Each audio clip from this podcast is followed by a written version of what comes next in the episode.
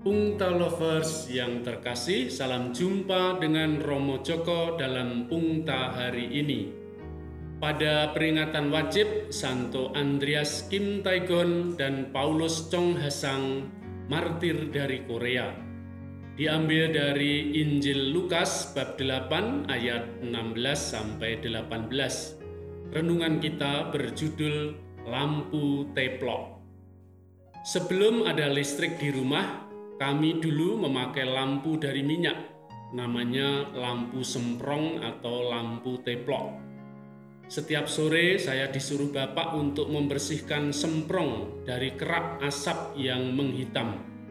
Setiap jam 5 sore saya sudah mengumpulkan lampu-lampu itu di depan rumah, membersihkan semprongnya dengan alat seperti ekor bulu kucing, disogok-sogok supaya mengkilat dan keraknya yang hitam itu hilang.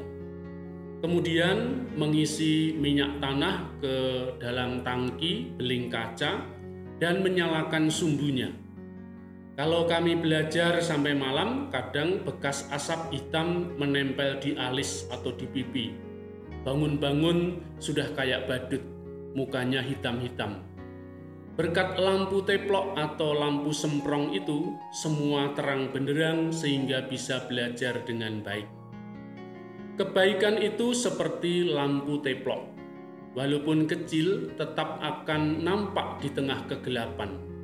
Oleh karena itu, Yesus mengajarkan kepada murid-muridnya, tidak ada orang yang menyalakan pelita lalu menutupinya dengan tempayan dan menempatkannya di bawah tempat tidur, tetapi ia menempatkannya di atas kaki Dian supaya semua orang yang masuk ke dalam rumah melihat cahayanya. Pungta lovers yang terkasih, kebaikan bukan untuk dipamerkan, tetapi kebaikan dinyalakan agar banyak orang di sekitarnya terbantu.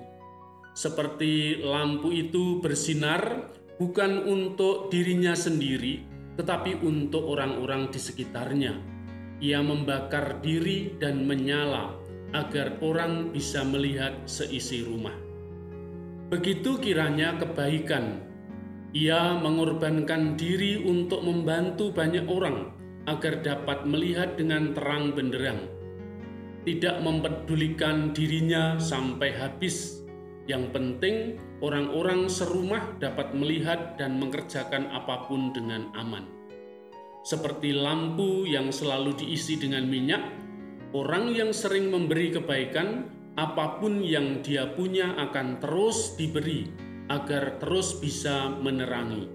Sebaliknya, orang yang tidak pernah menyumbangkan kebaikan, apa pun yang ada padanya akan diambil Sekali orang bisa bertanggung jawab atas tugasnya, dia akan diberi dan diberi dan diberi tanggung jawab lagi.